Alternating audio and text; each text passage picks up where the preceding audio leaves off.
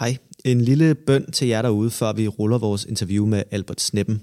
Uh, hvis du synes, det vi laver her er værd at lytte til, så håber jeg, at du vil gå ind på Apple Podcasts, Spotify eller hvor du ellers lytter med og give os nogle stjerner, hvis du ellers synes, det vi laver fortjener det. Det vil hjælpe os med at få endnu flere til at lytte med, og vil derfor betyde rigtig meget for os. Tusind tak.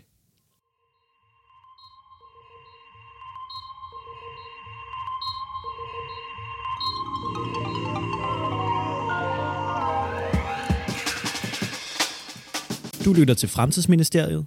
En podcast fra Instituttet for Fremtidsforskning. I dag skal vi tale om intet mindre end hele universets fortid og fremtid og nogle af fysikkens store uafklarede spørgsmål. Vi er taget til Niels Bohr Instituttet, hvor vi er på besøg hos Albert Sneppen, som er Ph.D.-stipendiat og forsker i astrofysik på The Cosmic Dawn Center, hvor han og hans kollegaer undersøger, hvordan og hvornår de første galakser, stjerner og sorte huller blev dannet. Som ung forsker har Alberts karriere allerede ført til ny viden inden for kosmologien, galaksernes udvikling, supermassive sorte huller og hvad der sker, når to neutronstjerner støder sammen i en såkaldt kilonova-eksplosion. Det skal vi tale om. Øh, Albert er blevet omtalt i nogle af de største internationale medier, herunder Washington Post og The Guardian.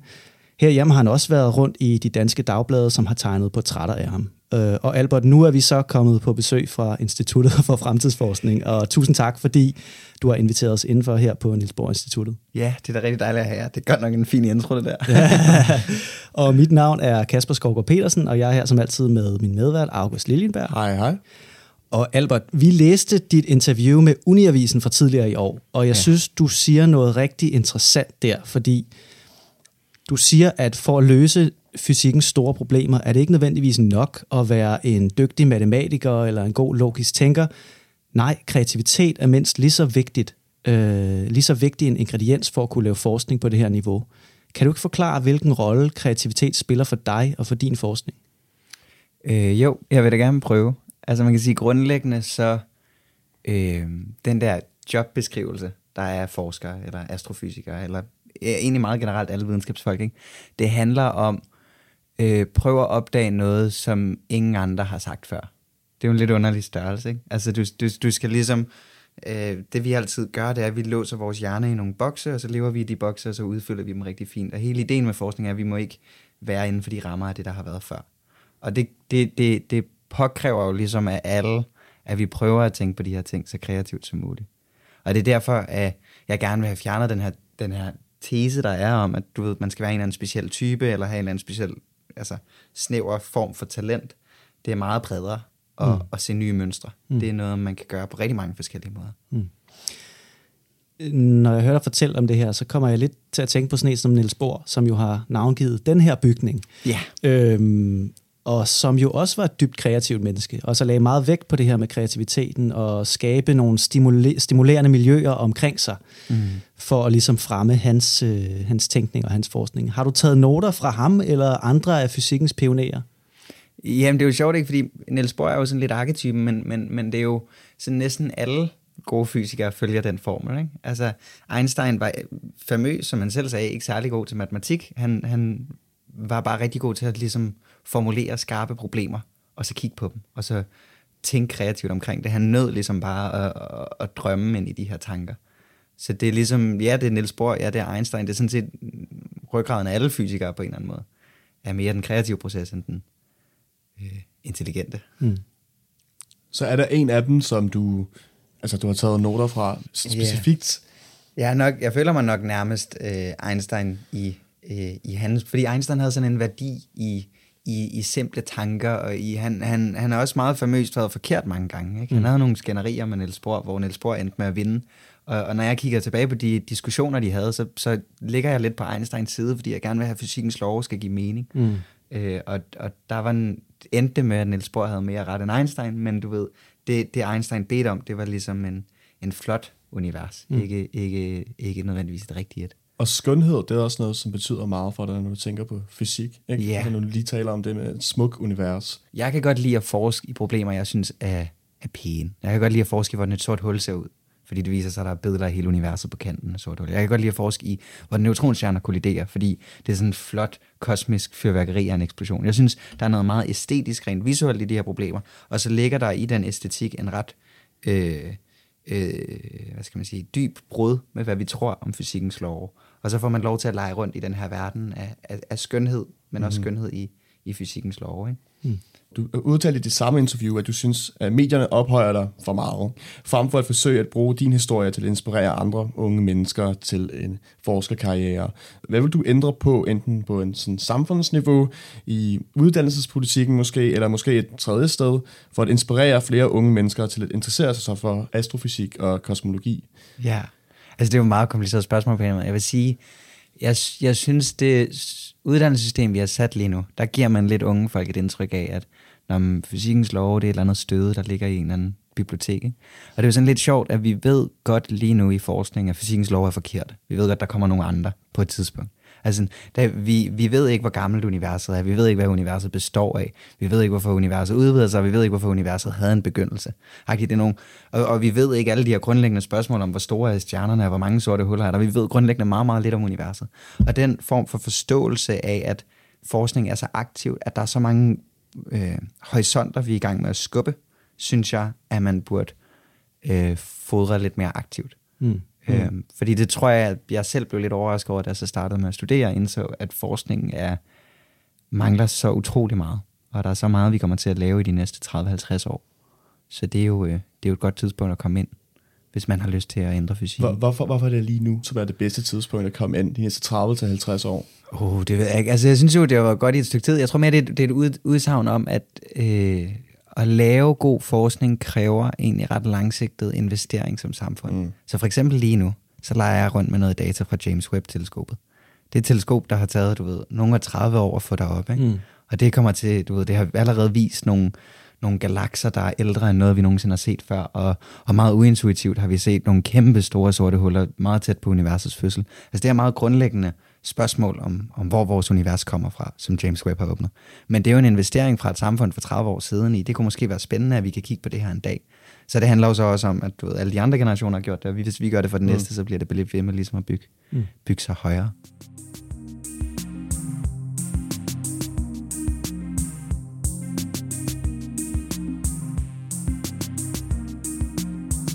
Lad os tale lidt om din, øh, din forskning, fordi ja. i, øh, i februar i år, der fik du og din kollega et studie publiceret i tidsskriften Nature, der handler mm. om, hvad der sker, når to neutronstjerner, sådan meget tunge stjerner, kolliderer. Øh, og den kollision, I kiggede på, øh, den blev observeret for første gang i 2017, men den skete altså på dinosaurernes tid, ikke for 140 ja. millioner år siden. Så det tog lidt tid for den at komme, øh, komme her til jorden. Men det I så var, at eksplosionen faktisk havde dannet en næsten perfekt symmetrisk sfære, apropos skøn, skønhed i naturen. Ikke? Ja. Og det overraskede jeg. Hvad var det, der var så forbavsende ved den observation? Det var grundlæggende, at vi troede, at fysikkens lov ville være meget komplekst her. Altså det vi ser, det er to stjerner, du ved, med, med så utrolig stor tæthed, at de begge to er mindre end København. Du ved, at de her to stjerner slår ind i hinanden og føder et sort hul. Og det gør de, du ved, i en grænse, hvor man både skal forstå Einsteins formulering af tyngdekraft og partikelfysik og utrolige tætheder og magnetfelter. Og alt det her burde have sagt, at eksplosionen var utrolig kompleks. Det er det, alle vores supercomputere sagde. Mm. Man havde kørt koden, og man havde set, hvordan de skulle se ud. Og det virkede som om, det var et utroligt virvar af kompleksitet. Og så kiggede vi på selve den her faktiske observation fra rummet. Og så det eneste, vi så, var den her flotte, runde, sfæriske kugle der bare udvidede sig fra, fra eksplosionens midte, der hvor det sorte hul blev født. Altså det er jo, det er jo en skønhed i, i sim, simplicitet, ikke? Agtigt, sådan, du har hele det her komplekse system, og, og man, man, man har ingen idé om, hvad fysikkens lov siger egentlig. Mm. Og så er det bare så simpelt som en kugle, der eksploderer. Og hvad var implikationerne af, at, at formen ikke var, som I, som I regnede med? Øh, der er flere. Man kan sige, at en af dem er, at der ligger et eller andet i kernen af den her eksplosion, vi ikke har forstået. Hvilket er altid spændende, fordi det her er fødslen af et sort hul. Og det er ikke noget, fysikken har super gode forudsigelser for, hvad der skal til at ske. Øhm, noget andet er, at det viser sig, at fordi den er kugle rundt, så bliver det her en rigtig god måde at måle øh, afstanden i universet. Man kan ligesom bruge det som et form for fyrtårn til at måle øh, afstanden til, hvor den her eksplosion skete hen. Øh, og det gør det muligt for os at måle, hvor hurtigt universet udvider sig. Altså, det gør det muligt for os at, at sige, hvor gammelt universet er. Hvilket er det her aktive forskningsspørgsmål, vi har i kosmologi. Mm. Så der er et par forskellige nuancer her. Okay. Og regner I med, at der stadig er mere, I kan, I kan lære fra den her eksplosion, eller er I ligesom videre til det næste? Øh, nej, der er rigtig meget at tage fat i. Så vi tror øh, lige nu, at halvdelen af grundstofferne tungere end jern bliver født i kollisionen af neutronstjerner. Så det er sådan noget som jodet i ens blod, og uran og thorium i en atomreaktor, øh, guldet i en ring. Ikke? Alle de her øh, atomer, de blev lavet i neutronstjernekollisioner, og det er vi i gang med at bevise. Øh, vi, vi har ligesom fundet de første stykker af den periodiske tabel, men, men vi mangler stadig ret meget. Mm. Okay. Så der er meget at lære. Spændende. Ja. Og hvis vi ser på rummet uden for kosmologi, så sker der også en masse ting i de her år. Ikke? Vi har for eksempel en voksende rumindustri, der er begyndt at tage fart, hvor nu også sådan private aktører begynder at gøre sig bemærket. SpaceX er selvfølgelig den mest kendte øh, eksempel. Nye nationer, som er kommet på banen, blandt andet Indien, som lige har landet på månen for første gang. Både amerikanerne, russerne, kineserne har planer om nye rumstationer og baser på månen inden for det næste årti. Men påvirker alt den innovation inden for rumudforskning dit arbejde på nogen måde? Øh, det er lidt et spørgsmål. Så man kan sige, grundlæggende er det jo meget godt, altså i den drøm, vi vel alle sammen lidt har om, at mennesket går lidt fremad, at vi har lidt konkurrence, der er mange, der prøver aktivt at gøre noget. Øh, altså, så det påvirker mig ikke så direkte, fordi det er jo meget grundforskning, og jeg ligger langt ude af solsystemet i min forskning, ikke? så det er jo ikke, det er ikke sådan lige mig, det rør. Mm. Jeg, var, øh, jeg var nede på et teleskop her i, øh, i La Palma i, i Atlanterhavet her til sommer, og der så jeg 23 Starlink-satellitter, der blev sendt op. Og der er problemet jo, at, at øh, man nu engang sender så mange Starlink-satellitter op, at de laver lysende spor over hele himlen, så når vi prøver at tage billeder af den dybe nattehimmel, så får vi hel- helvedes mange spor Okay. øh, af satellitterne. Fanden, det, det er frustrerende, det der. det altså, man kan jo selvfølgelig løse det på en computer, og man kan kode det væk, men det, det overrasker mig bare, da jeg så det her, altså den her opsætning, de havde lavet, at der bare, der, det, det, vi er ved at få et meget fyldt billede af nattehimlen, bare Ja. ting, der er meget lokalt. Og det, det gælder jo også, til- når du bare vil kigge på nattehimlen, ikke? hvis der flyver Ja. yeah. satellitter rundt deroppe. At, I, og det bliver bare ekstra slemt for forskning, fordi for forskning prøver vi at kigge dybt, så vi Mm. mm. prøver at tage et billede i en time, og hvis du tager et billede i en time af en del af nattehimlen, så er der sgu mange striber, der kan køre på tværs. Ja. Øhm, så det kommer til at blive en meget, meget rodet nattehimmel for forskere, men, øh, men det kan vi jo nok kode os udenom. Astronomer mod Elon Musk. Er det en klub, vi øh, ser danse herude? Nej, jeg tror, jeg tror alle, alle har det okay med alle. Okay, det er fint. Øhm, okay, Albert, som to humanister, hvis øh, interesse for kosmologi og astrofysik indrømmet er større end vores forståelse, så kunne vi godt tænke os at kaste nogle af de sådan lidt vildere hypoteser fra fysikkens verden efter dig og høre, hvad du synes om dem. Er du, Okay. er du frisk på det? Ja, lad os prøve. Godt. Øh, så starter vi med hypotese 1, som også er min personlige favorit, og så tager vi August favorit øh, bagefter. Okay. Starter sådan her. Se omkring dig. Hvad ser du? Intet af det er ægte. Det er dine minder heller ikke. Du var ikke i biografen i går eller til middag med din kæreste. Du eksisterer faktisk slet ikke, men er produktet af en statistisk fluktuation i et uendeligt stort, gammelt og kaotisk univers. Du og alting omkring dig er hallucinationer fra en bevidsthed, der er opstået spontant og tilfældigt. En såkaldt Boltzmann-hjerne. Det var altså den østriske fysiker Ludwig Boltzmann, som første gang foreslog ideen her, som baserer sig på, at hændelser, der er ekstremt usandsynlige, statistisk set vil finde sted i et univers, der er tilstrækkeligt stort, gammelt og kaotisk. Og at de samme processer, der har skabt universet, igen hvis vi venter lang tid nok, øh, på tilfældigvis også spontant vil kunne have skabt en fritsvævende hjerne, der øh, rummer menneskelig bevidsthed. Bevidsthed er i denne tilstand ekstremt ustabil og kortvarig, og den opstår som tilfældige samlinger af partikler, der danner en menneskehjerne eller noget, der minder om den, som hurtigt falder fra hinanden igen. Og vi er altså de her fritsvævende hjerner. Så Albert, er vi, er vi Boltzmann-hjerner eller ej? Ja. okay, det gør nok en mundfuld der. Øhm, altså grundlæggende det paradoks, der ligger her, er faktisk utrolig svært at begribe. Ikke? Altså fordi der er de her spørgsmål. Et af spørgsmålene er, om universet er uendeligt stort. Og Mm. et af det er, om det bliver uendeligt gammelt. Ikke? Og pointen er, at altså, sandsynligheden for, at der er en hel masse partikler ude i et eller andet tomrum af rummet, der samler sig sammen og laver en hjerne, den er meget, meget lille. Mm. Altså forestil dig, alle de her atomer skal bare i spontaniteten af, af, af, noget helt absurd, med meget lille sandsynlighed, kunne de alle sammen lægge sig og lave en hjerne. Altså det er jo næsten uendelig usandsynligt, men det er ikke uendelig usandsynligt. Det er bare en meget, meget lille tal. Mm. Og pointen er, at hvis universet virkelig var uendeligt gammelt, så små tal gange med uendelig er stadig meget store tal. Ikke? altså det vil ske som en nødvendighed. Så det er sådan lidt, det er jo nogle af de her, hvad jeg vil sige, det er jo ikke fordi teorien er, er dårlig eller noget, men det er jo, sådan, det er jo, det er jo, sådan, det, det er jo mere noget, der konfronterer os med, hvor absurd konceptet er om ja. et uendeligt ja. univers, eller et uendeligt gammelt univers. Fordi ja. hvis vi virkelig siger, at universet ikke slutter, så sker sådan nogle ting, og det er jo lidt underligt. Det minder lidt mig om, da vi sad og forberedte os her. Jeg, jeg tænkte på det der tankeeksperiment med aberne, der sidder og slår på skrivemaskiner, indtil der kommer ja. Shakespeare ud. Ikke? det er jo logisk set giver det jo mening, men det er også absurd, ikke på sin egen måde. Altså. Ja, det er rigtigt. Det er ja. rigtigt. Så vi ved ikke, men Boltzmann-hjernen, ja, ja. det er en moskéer. Mere, ja, præcis, mere end det er sådan en legitim, legitim sådan hypotese eller spørgsmål, så tiltrækker det jo... Det åbner nogle andre spørgsmål. Det åbner nogle andre spørgsmål, og tiltrækker folk til det spørgsmål, som du stillede lige der om mm. altså uendeligheden af universet, og mm. hvor stort det er. Ja. Ja, så har jeg en anden hypotese. Okay. Vi kan umuligt være de eneste intelligente og højt udviklede væsener i universet. Så spørgsmålet er, hvor er alle de andre henne? Hvorfor kan vi ikke se eller høre dem?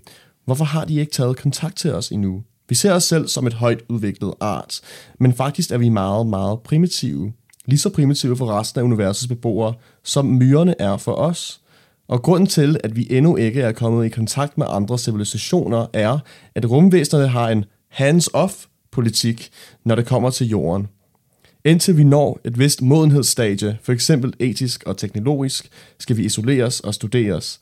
Jorden er i den her hypotese en form for intergalaktisk dyrepark, eller i en mere ekstrem tolkning, et stort biologisk laboratorie, hvor vi mennesker er forsøgskaninerne.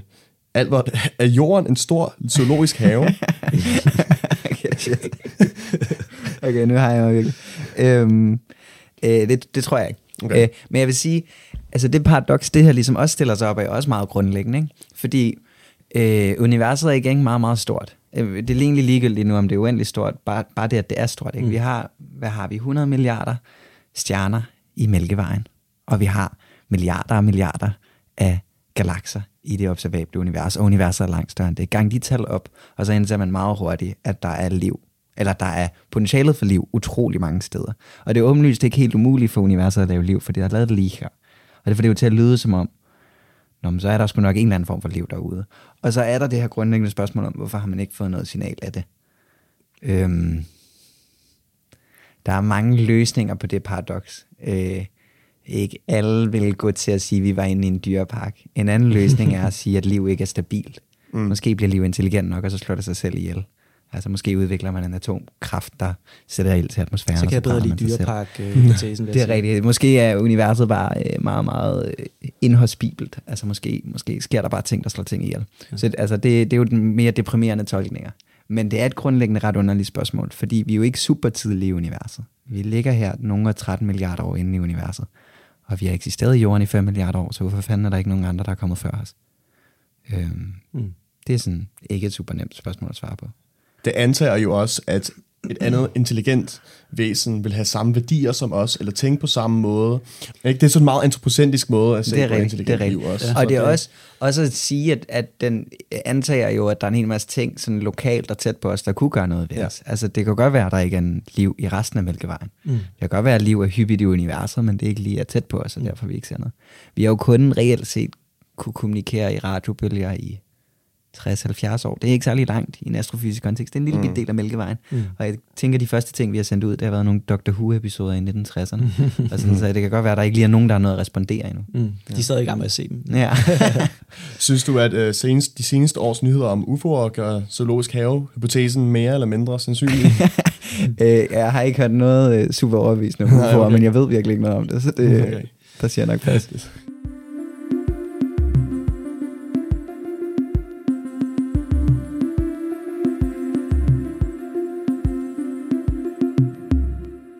En hypotese mere.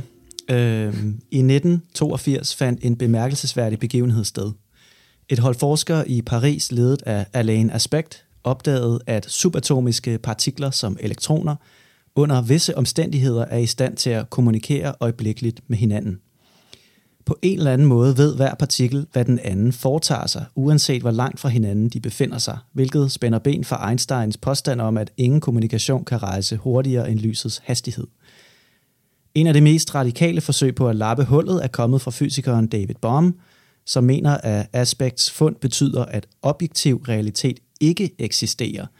at universet til trods for sin øjensynlige soliditet i grunden er et hjernespind, en gigantisk og fantastisk detaljeret hologram. Så vores smukke 3D-legeplads er altså ikke bare en... Øh, øh, findes ikke, men er bare en projicering fra en kedelig flad 2D-grænse, og vi lever alle sammen i en slags kosmisk hologram-simulation. Hvad synes du om den, Albert? Øh, ja. så der er flere dele her, ikke? Øh, så grundlæggende, så er der sådan en meget, meget underlig, sådan, sådan ikke, det er ikke en fysisk ting, det her, det er bare en matematisk korrespondence i universet. Der er sådan en sammenhæng mellem, hvad skal man sige, informationen af os i tre dimensioner, og noget, man kan lægge på et todimensionelt plan. Der er sådan en tanke om, at sorte huller faktisk, at man kunne, man kunne spejle hele universet på et sort hul, mm. og ligesom bare skrive det på dets kant. Og det er sådan lidt en underlig finurlighed, fordi lige pludselig tager vi de der tredimensionelle væsener, vi er, og lægger dem ned i en anden dimension. Ikke? Øhm, og, og det er jo bare en, en dyb matematisk korrespondence, som vi ikke ved, hvad betyder. Mm. Det kan godt være, altså nogle gange er matematik jo bare matematik, det behøver jo ikke betyde, at fysikkens lov er der. Men det er ikke bundet væk -agtigt. Det er, mm. ikke, det er ikke noget, vi udelukker som sådan. Øh, der er noget meget, meget dybt i universet, øh, på en eller anden måde, mellem overfladen af sorte huller og vores, os som tredimensionelle væsener. Og der er ingen, der ved, hvad det betyder. Så måske. Det er et ja. Det er, faktisk, ja, ja. det er faktisk et kæmpe måske. Okay. Okay. Spændende. Det er jeg glad det var for, en af, de, Den var jeg måske. faktisk usikker på, den her, fordi at, okay. var vi ude på et overdrev. Men okay, spændende. Nu tror jeg nok, vi får et, øh, et kæmpe nej. Ja. Men jeg prøver alligevel. Vi er sådan i telefonsamtaler imellem forskellige fysikere okay. i 40'erne.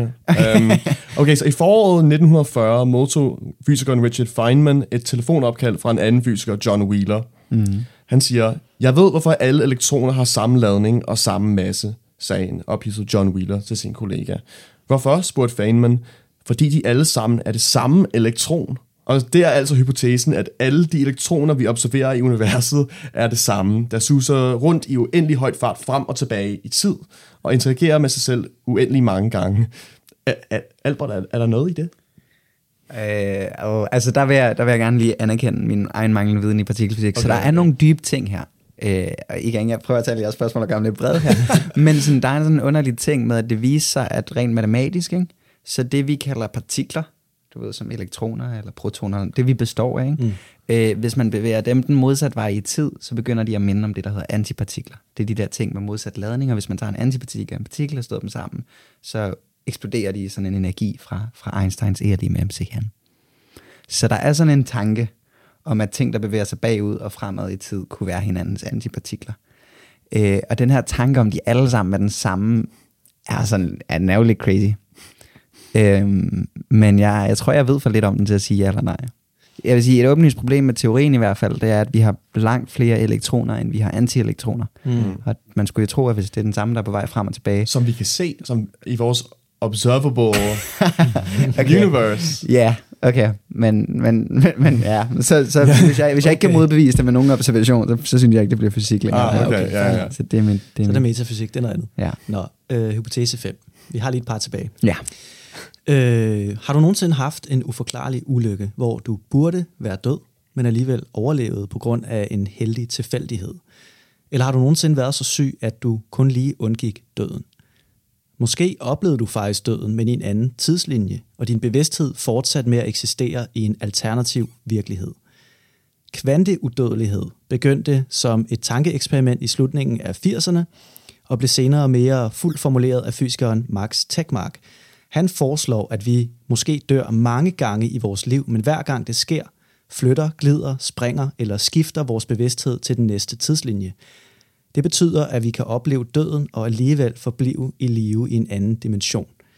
Kvanteudødelighed har sine rødder i den såkaldte Many Worlds fortolkning af kvantemekanikken, som antyder, at hvert muligt udfald af en kvantemåling forekommer i et separat parallelt univers og at der eksisterer et uendeligt antal parallelle universer i forskellige tidslinjer. Så kvanteudødelighed, hvor, hvor står vi her, Albert? Oh ja, altså så den her many worlds ting, synes jeg faktisk rammer den samme som den, vi snakkede om lige før. Altså jeg synes faktisk ikke længere, det er fysik. Mm.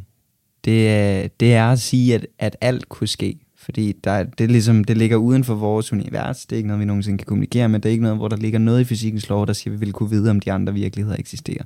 Og hvis jeg aldrig nogensinde kan få lov til at lave det eneste eksperiment, der tester den her matematik, så har jeg jo ikke lavet en fysisk teori, så har jeg lavet et religiøst dogme. Mm. Og det er der jo ikke noget galt i, men, men, men jeg tror ikke, vi skal lægge den på samme du ved, pedestal som den videnskabelige metode, som handler om at sige, at den her teori kan være forkert. Så jeg kan ikke engang sige, om den er rigtig eller forkert.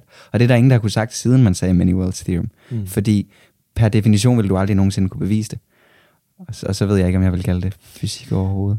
Er, er der noget i, at når man virkelig bevæger sig så langt ude i fysik, og man, man, man kan mærke den her skønhed og simplicitet, at der er noget sådan mysticisme i det? Der er noget sådan mere otherworldly næsten.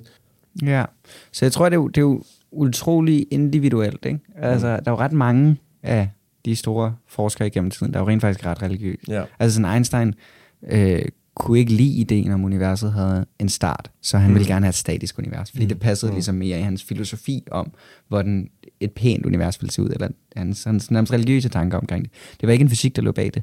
Så det er jo ligesom, det, det er jo, vi fysikere, vi er jo biaset på alle de måder, som alle mennesker nu engang er, mm. af den tankesæt, vi lever i. Og så, så, så kan man jo godt bestræbe sig på at ligesom vise ting inden for det, det dogme. Ja. Men så, så, så det, der er smukt ved den videnskabelige metode, det er jo, hvis så beviser det og modbeviser det. Og så blev Einstein modbevist. Så fandt man mm. et Big Bang, en start på universet. Mm. Og så måtte han give slip på den, og han kaldte det så sin største fejl. Mm. Øh, og finurligt nok, så de ligninger, han lavede, var jo stadig det, der beviste Big Banget. Så det er jo, det er jo på en eller anden måde øh, at, at vise ja. noget meget mere generelt, end, ja. end noget, man selv tror på. Jeg er ret tilfreds med vores eksperiment her. Jeg synes, det var en rigtig god svar, du kom med. Ja, jeg synes, det er nogle sindssyge teorier. Jeg synes faktisk, det er meget sjovt øh, ting, jeg har trykket op her.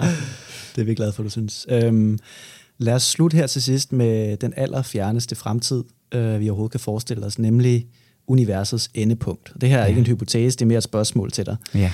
Øhm, den mest sådan gængse forklaring øh, på, hvordan universet vil ende, det er jo varmedøden, altså en tilstand, hvor al energi er spredt ud, hvor stjernerne er brændt ud, hvor øh, universet er sådan mørkt, koldt og inaktivt sted. Ja.